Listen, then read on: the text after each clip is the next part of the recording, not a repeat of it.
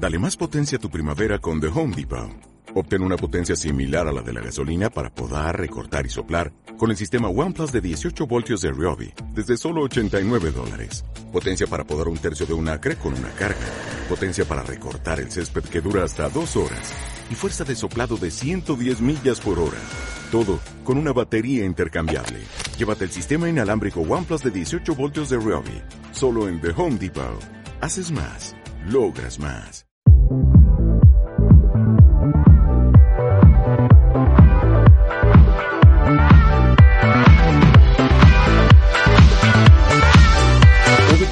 presenta Ràdio Rentadora amb Arnau Pauner.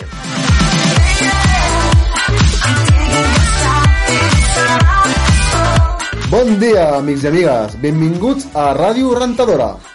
Soc l'Arnau Pauner i us dono la benvinguda. Avui tornem al programa canònic. Anem proveïts de nous aires i seccions. Així que no esperem més per donar la benvinguda als nostres col·laboradors. En Rubén Esteve, en Nil Raurell, en Carlos Serrano i en Josep Alcabati. Bon dia a tots. Bon dia, bona hora. Ahora, Com estem? Tot bé? sí, vamos tirando. Com Eh, sempre. Aquí estem. Doncs en aquesta ocasió eh, no tenim notícia de la setmana, nois, però sí un joc eh, de sintonies que ens ha preparat eh, avui en Carlos. Bon dia, Carlos. Bon dia, doncs mira, uh, normalment als directes el que fem tinc una secció de bandes sonores, vale? i sempre comentem pel·lícules, com ja sabeu.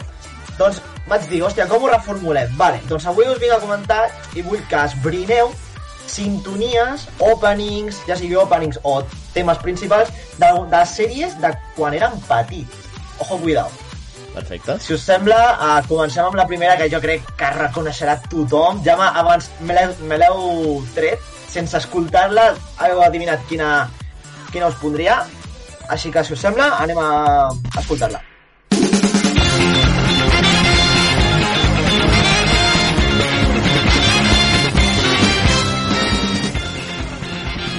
Vale, algú s'anima? Home, com no em sonarà, per favor. És el cas de l'assassí invisible, no? eh, Sherlock Holmes. És detectiu Conan. Correcte, correcte, el detectiu Conan, vale? Uh, bueno, una sèrie que uh, sortia, si no m'equivoco, al, super, al canal Super 3. Jo Mhm. crec que tothom l'hem vist. Té més de 1.000 capítols. Crec que té 15-16 pel·lícules, també. Mogollon. Uh, per mi, una de les meves sèries de dibuixos preferides, tot i que sí que potser recau una mica en lo repetitiu, vale? Mm -hmm. Jo me'n recordo que quan era petit hi havia algun capítol que em feia por, eh? Perquè, o sigui, em feia... Perquè hi havia, depèn de quina imatge, depèn de quin cadàver sortia, jo em quedava, ostres, què, què estic veient, saps? Però una, la recordo molt, amb molt carinyo. La recordo amb molt carinyo, aquesta sèrie. Home, és normal que es faci molt repetitiu, perquè crec que, de fet, és una una de les sèries més, eh, més tirada de, de la història. No sé si ja va pel capítol 1000, només de l'anime, o sigui... Eh, pobres guionistes, també t'ho dic, eh? Quina penitència. Doncs sí, a, a vosaltres no us passa que a mi el detectiu Conan, el, el personatge, em recorda una mica Superman. Rollo, són clavats, però, eh, em poso les gafes i ningú em reconeix. És veritat, Ojo, és veritat. És molt, molt del paro, no sé. Si us sembla, passem a la següent cançó. Molt bé. Endavant.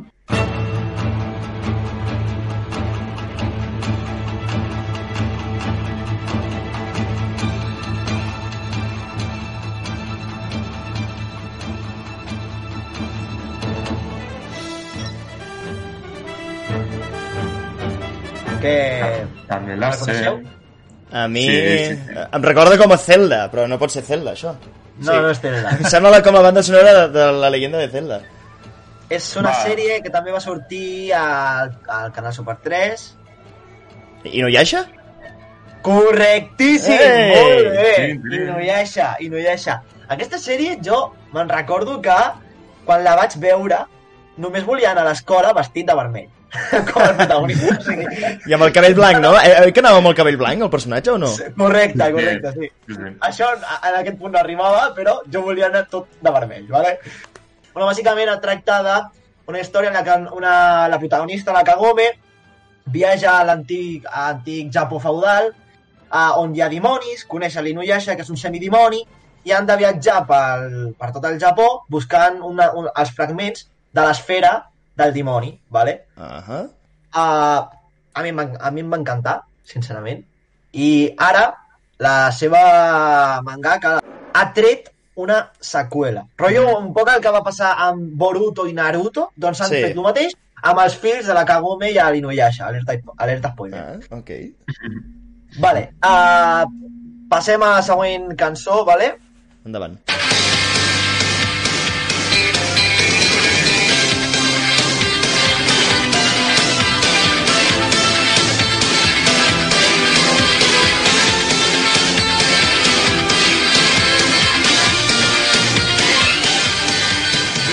Arnau, esteu molt callats.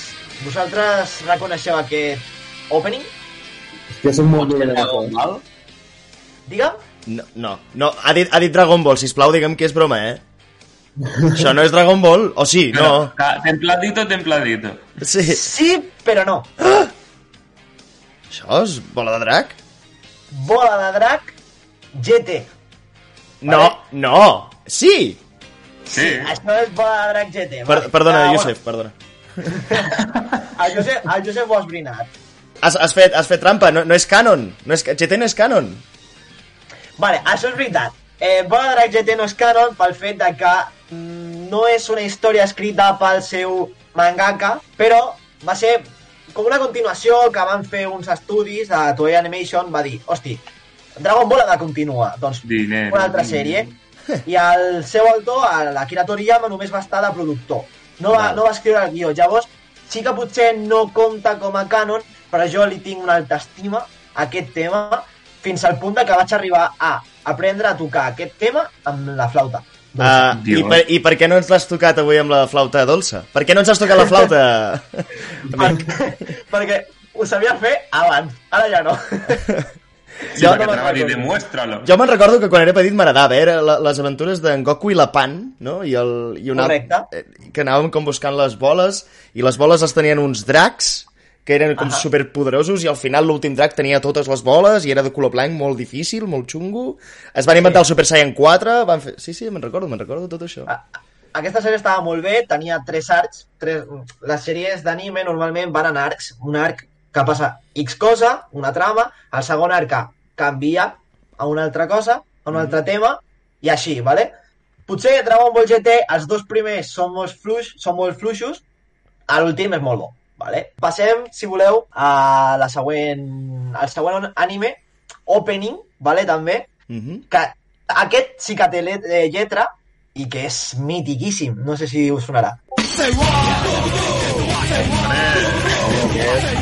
Espectacular! En Tokoro Tennosuke era el millor del món. Una de les sèries més rares que he vist mai. Però tan bona alhora.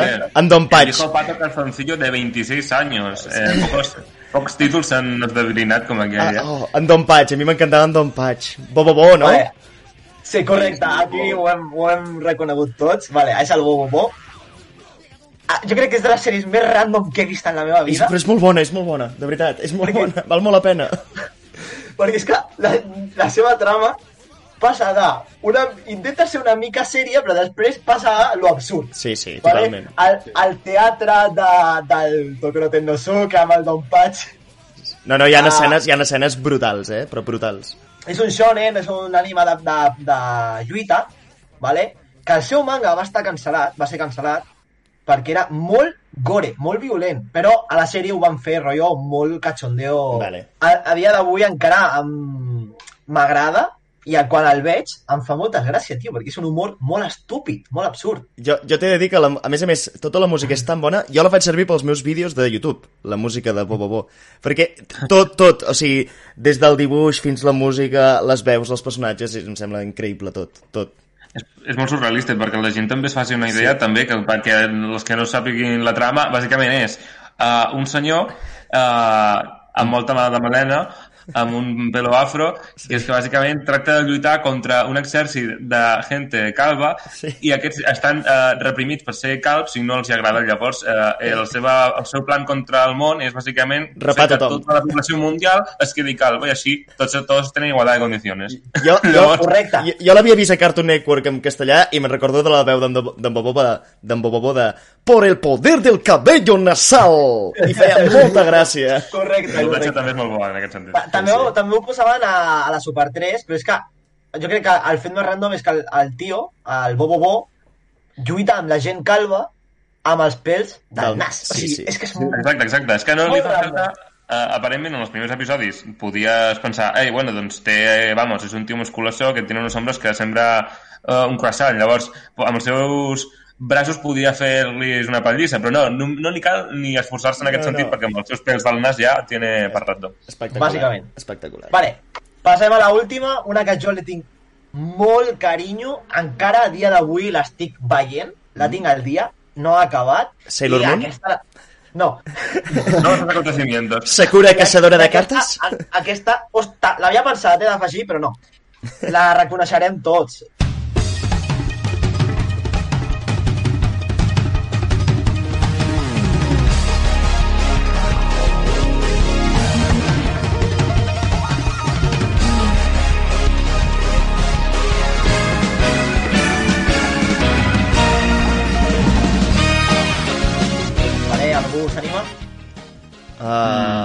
Ostres. One Piece. Alegria. One Piece? A veure, a veure... Correcte, és One Piece. És el primer opening de la sèrie. Va est... Em sembla que es va estrenar el 1996. La sèrie porta més de 20 anys, eh? Ojo, cuidao. I Altres encara no, no s'acaben. ja encara no ha acabat. I és una sèrie que est... és setmanal, cada setmana capítol. Molt difícil, eh? Per un anime No, en mantenir. sèrio. I cada vegada està sent millor. One Piece és Bueno, d'aquells d'aquells animes... Jo, jo sempre els ajunto com amb Naruto i amb Bola de Dracs. Són d'aquells que van arribar molt bé a Occident, s'han quedat, la gent els recorda amb carinyo... No? bàsicament, sí, correcte. Eh, bueno, també, també sortia el... Sembla que sortia al, al Canal 4, al Super 3 també. Va, va arribar i la gent li va encantar. O sigui, és un anime molt ben fet, vale? Jo a dia d'avui encara l'estic veient, porta, sembla que 998 capítols de l'anime, amb més de 1.000 capítols del manga i encara no se sap res. És quasi, primer- és quasi, com, ve- és quasi com vent del pla, eh, amb tants capítols. Ai, vent del pla, el, cor, el cor de la ciutat, perdó. Bueno, en el plat també en tenia el seu... Sí, el cor de la ciutat, capítol 4624. La Riera. La Riera. No s'acaba mai. Lo, lo bo d'aquesta sèrie és que, bueno, des del primer moment porta una, una trama una mica... Sí, amb, uh, utilitza l'humor, però és bastant sèria. Presenta un, un món on el protagonista vol ser lliure, uh, presenta uns valors correctes, uh, defensar els, els teus amics, voler fer allò que, que tu estimes. Jo us la recomano perquè a mi, és la, ho puc dir sense cap dubte, és la meva sèrie preferida. També, uh, per, últim, que, perquè es faci una idea de la, de la quantitat de capítols que té, uh, les cadenes de, que la portaven aquí a Espanya vam deixar de portar-les perquè no tenien calés suficients per portar els 900 capítols i no es va poder acabar. Bueno, doncs moltes gràcies, Carlos, per portar-nos aquest joc tan eh, nostàlgicament preparat. Hem pogut reviure part de la nostra infància sense cap mena de dubte. Um, de seguida anem amb Nil Raurell, però abans en Rubén ens porta una nova secció en la que descobrirem noves cares universitàries de les que potser no havies sentit mai a parlar. Sí o no, Rubén? Doncs sí, avui per començar aquesta, aquesta minisecció us porto el Sergi Ferri, que és el president del Consell d'Estudiants de la Universitat de Vic. Molt, ba, molt majo, l'escoltem. Els ubicatans diuen... Per què vas decidir estudiar a la UBIC? A estudiar a la UBIC perquè em va tocar. Em vaig seleccionar a la Universitat de Barcelona i no vaig poder entrar i al final em va tocar a la Universitat de Vic. Però no no me n'arrepenteixo eh, d'haver triat la Universitat de Vic, de veritat, perquè ha estat una experiència molt bona. Portes una bona pila d'anys en el Consell. D'on treus tanta motivació? La veritat és que trec aquesta motivació de voler ser professor de la universitat Vull dir, el fet de voler ser professor de la universitat en un futur em comporta a moure'm i a realitzar coses per la universitat per voler-la fer créixer. Perquè al cap i a la fi, si arribo a ser professor, i hauré de fer créixer també la universitat. Llavors, bueno, mmm, m'agrada que aquest centre d'investigació creixi i vagi cap amunt. També em nutreixo a mi mateix, aprenc coses i llavors aquesta és la idea principal per la qual porto tants anys al Consell. Quin és el profe que millor et cau? I el pitjor? Tots són molt bons, tots són uns cracs i tots em cauen molt bé. Vull dir, no tingut cap profe que vagi portat malament o com que haguessin malament. Vull dir, és que la veritat és que tots m'han agradat, tots s'han portat molt bé i bé, mm, jo crec que si haig de decantar-me per un em quedo amb en Xavi Santella, que potser era el més jove i tenies més bon rotllo, però és amb qui he establert una relació més propera, no? per dir-ho d'una forma. Fora de tanta uni, què t'agrada fer? M'agrada fer bàsquet. Fora de la uni m'agrada fer bàsquet, perquè vulguis o no, és això que t'he comentat abans, i a mi en un futur m'agradaria eh, ser professor de la universitat. Llavors, clar, jo vull treballar en una universitat i en aquest ambient. Però també vull treballar fent d'entrenador de bàsquet, com a investigador, eh, tenint doncs, l'esport del bàsquet no? com a esport predilecte. Llavors, doncs, bueno, també m'agrada jugar a videojocs, també m'agrada estar amb els meus amics i sortir a fer alguna cosa. Et, et, et. ¡Eres un crack! Els ubicatans diuen... Ràdio Rentadora, amb Arnau Pauner.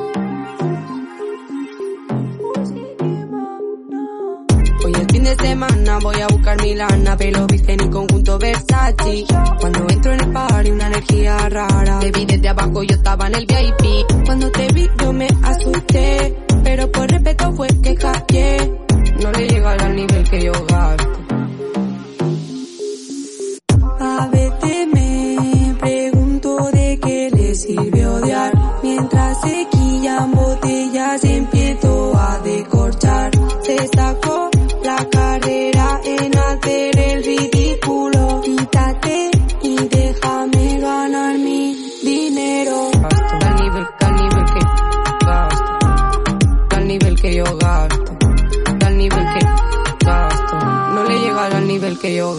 Després de sentir aquest gasto de Batgirl, anem amb Nil i el seu Rosco. Bones, Nil. Doncs avui, hola, què tal? Avui us torno a portar un altre tortell que feia dies que no us en portava cap. Esteu preparats? Endavant. Començarem. Avui no serà tan, tan friki, eh? Sí que hi ha tema friki, però eh, no tant, no tant. Va, comencem pel primer. Fill d'Arathor, hereu el tro d'Isildur. Aquesta és fàcil. I tornaré. Fill d'Arathor. Are... Us el diré en castellà, que ho heu sentit mil vegades a la pel·lícula. Hijo de Arathor, heredero al trono de Isildur. Aragorn? Aragorn, perfecte. Amb la B, personatge de DC Comics que sempre està ratllat, tot i ser multimilionari. Batman. amb aquesta veu, eh? Amb la, amb la C, Johnny Depp va interpretar Willy Wonka en la pel·lícula... Ah, Charlie i la fàbrica de xocolata. Perfecte, amb la D, nom dels enemics, aquesta és complicada, nom dels enemics de gel més típics de Thor a les pel·lícules de Marvel. Aquesta és difícil. Aquesta, a lo millor... King Carlitos... Dro Drogur, no? Molt bé, molt bé. Aquesta era complicada, eh? aquesta era difícil. Amb la E, la meva nòvia. Nom de l'actriu que dona vida a Hermione Granger. Emma Watson. Emma Charlotte Dwyer Watson, espectacular aquesta noia. Amb la F, nom del principal antagonista de la primera pel·lícula de Deadpool, que de fet hi ha la conya de que el busca, precisament, el dolent busca en Deadpool perquè sap el seu nom. Com es diu aquest personatge? Mm, Oh. sí, sí, la tenim al punta de la llengua, farem 5 segons. L'heu vist, a Deadpool? Sí, Sí. però... No. Oh, ah, no cai. Pel·li Però pel·lícula. parleu del prota? Parleu del prota? És el nom de l'antagonista. És el nom Ah, de l'antagonista. Es diu Francis. No es diu Francis. I de fet, el, el, el dolent, com que té un nom tan ridícul, eh, en Deadpool tota l'estona s'estan fotent del seu nom i per això Sí. precisament el vol matar, eh, perquè es diu Francis. Amb la G, aquesta és en anglès, sèrie d'HBO basada en els llibres de Gel i Foc. Game of Thrones. Game of Thrones, perfecte. Amb la H, una altra vegada, mitologia nòrdica. Regne on es troba l'infern. Aquí el Ragnarok. A veure. Helheim. Helheim, perfecte. Veig que hem fet els deures. Amb la I, Tony Stark és l'home que hi ha darrere de... Iron Man. Iron, Iron Man. Man. Que- Amb la J, sèrie anime i manga molt exitosa dels últims anys que narra les aventures de la família Joestar. I us la recomano molt, l'anime. Ah, los, eh, el Jojos, Jojo's Bizarre Adventure. JoJo's Bizarre Adventure, una sèrie que us recomano molt i molt. La teniu també a Netflix, si la voleu veure. Amb la K, enemic de la primera pel·lícula de Black Panther interpretat per Michael B. Jordan. Que és- Killmonger. Killmonger, que si no recordem, Michael B. Jordan és el, el protagonista de les pel·lícules aquestes noves de l'Stallone, de Creed. Creed, correcte. Amb la L, complicadeta, aquesta de Harry Potter, encanteri que es fa servir a la saga de Harry Potter per fer llum amb la vareta. Lumos Máximo. Lumos o Lumos màxima, depèn de la intensitat que tu vulguis, eh? Depèn de si, vol, si vols LED o no. amb la M, heroïna de l'UCM, de l'univers cinematogràfic de Marvel, que arriba a l'últim moment a Endgame per salvar la situació. Molt espectacular, molt empoderador per les dones, també. Com es diu el personatge? Uh, igual patino, però és la Bruja Escarlata? No, eh, de fet és Capitana algú. Ma Capitana Marvel, no? Correcte, interpretada Ah, per, interpretada per Brie Larson. No, amb la N, nom del verdader heroi de Harry Potter que destrueix l'últim Horrocrux a l'últim moment. Neville Longbottom. És el verdader heroi de Harry Potter, Change My, change my Mind. Amb la, amb la O, videojoc de Blizzard, que és un first person shooter, un videojoc de dispars en primera persona, basat en herois. Overwatch. Overwatch, aquest joc ho va patar molt durant eh, de 2013, 14 i 15. Amb la P, personatge que interpreta Patrick Stewart a Star Trek. Ah, aquí us he enganxat, Mm. eh? Star Trek ja no és tant de la nostra generació, eh? Ja et dic, ja et dic. Amb la P. Amb la P. Es diu... És Picard. Aquesta era complicada. És Picard i ha de fet eh, ara mateix Star Trek està preparant la sèrie de Star Trek Picard. Amb la R passarem cognom de la viuda negra, protagonitzada per Scarlett Johansson. Romanov. Natasha Romanov. Amb la S, amic inseparable de Frodo Bolson. Sisplau, vull que em diguis tot el nom. Ah, doncs no. només, només sé que se'l sap. Sam Sagat Gamgee. Samwise. Sam para los amigos. Sam para los amigos, Samwise en I, anglès. i, que, I que consti que només conec el nom d'aquest personatge pel meme de Sam Valentín. De Sant Valentín, que és espectacular. Bravo, bravo ese meme. Vale, aquest, aquesta, aquesta és molt bona perquè amb la T tenim a Chris Hemsworth i Arnau Pauner donen vida al déu nòrdic que es diu... To. o sigui, estàs a la mateixa altura que Chris Hemsworth, eh? Que és el meu... És, qui vull ser jo. Amb la, Increïble. amb la U. Només en falten 3. Amb la U, enemic de la segona pel·lícula dels Avengers. Ultron. Ultron, els, els Venjadors i la era d'Ultron. Amb la B baixa, personatge que fa de coestrella, juntament amb la Bruja Escarlata, amb la Scarlet Witch, a la sèrie de WandaVision. Vision. Vision. Perfecte, aquesta era fàcil. I acabarem amb la W, país d'on és originari Black Panther, i vull que em feu el símbol des de casa, encara que la, sigui molt poc radiofònic, que em feu el símbol amb les mans mentre dieu la paraula. Wakanda por siempre. Correcte, Wakanda Forever. Doncs moltes gràcies, Nil, uh, per estar sempre al peu del canó. Anem ara uh, per en Youssef, que avui uh, ens parles de futur i de tecnologia. Espero que hi surti el casquet volador. Així és, parlem de les apps del futur, unes apps que de ben fet ens sorprendran molt. I avui us porto algunes que són surrealistes, però algunes que ens ajudaran molt de cara al futur. Per exemple, la primera que us porto. Tothom coneix el, el gegant Tinder. Tothom sap que és una xarxa per lligar. Em sona. Doncs, et sona? Em sona, no? M'ha m'ha explicat, un, eh, un cosí meu, un, el germà d'un cosí d'un veí. Nos está engañando, que no nos engañe, que nos diga la verdad. Doncs en un futur podríem veure un Tinder per animals, per gats, gossos, qualsevol raça animal, podríem veure un Tinder on cada, cada amo d'aquest animal podria registrar-se, eh, posar la fitxa tècnica de, de l'animal i fer un match amb algun animal. I aquesta aplicació et recolliria el gos, gat, la, la, la raça que sigui, te l'emportaria a la cita i te'l tornaria a casa i també inclou un servei de que tu vagis inclòs en, en la cita, si volguessis. Aquesta seria una de les aplicacions del futur. Què us sembla? A mi m'aniria bé poder, eh? Si jo puc anar de pack amb el meu gos, escolta, jo cap problema. No estaria malament. Mm -hmm. Doncs Eh, som potser. uh, ara la que us porto és per als pares, per als futurs pares que vulgueu tenir un fill. Us porto un traductor de bebès. Anda que no ens agradaria a tothom saber què diuen o què pensen en aquell moment quan, estan, quan han nascut o quan estan demanant alguna cosa i no saben parlar. Algú li interessaria aquesta aplicació per de cara al futur? A veure, Però això va sortir al, al Simpson. Una mica. És que, em el, sembla- és que els Simpson han, han predit moltes coses, eh? Clar, Bueno, clar. hi ha el mono de lluvia d'algòndigues. Et vull dir, també el problema que té la, la moguda aquesta és que si hi ha vegades, eh, quan, poso, el- quan poso algo al Google Translate, va com un borratxo, eh, com, en- com entén un bebè. Però bueno, jo hi lo dejo. Per les freqüències, no? Una cosa és dir tinc gana i l'altra és tinc son. Però Dubto que tinguin més coses que gana o Ah, son. però això ja ho pot deduir l'ésser humà, digo jo. Sí. No sé. I bueno, i per acabar us porto una que ens agradarà a tots i espero i desitjo que la, la creïn perquè seria... El casquet volador, no? I la, I la porta màgica, però no, és un recepcionista de casa, és un recepcionista que quan et portin el paquet o quan hi hagi algú que et vingui a picar a casa teu, li obri la porta des de l'aplicació, tu puguis veure i tinguis un perímetre on puguin accedir a casa teu. Per exemple, et porten un paquet d'Amazon. Tu mires a l'aplicació i saps que en aquella hora te'l portaran amb un codi que ells tindran, el, el registraran a l'entrada de casa teu, entraran fins on tu li permetis, deixaran el paquet i tu veuràs si te l'han entregat o no. I això successivament amb, amb els teus avis, amb els teus pares, amb la teva nòvia, amb el que sigui. Què us semblaria? Almenys per mi, m'encantaria que això s'inventés. És, és com si fossis en Batman i tinguessis un Alfred personal. Sí, Sí, també... molt. Com, com dir-ho?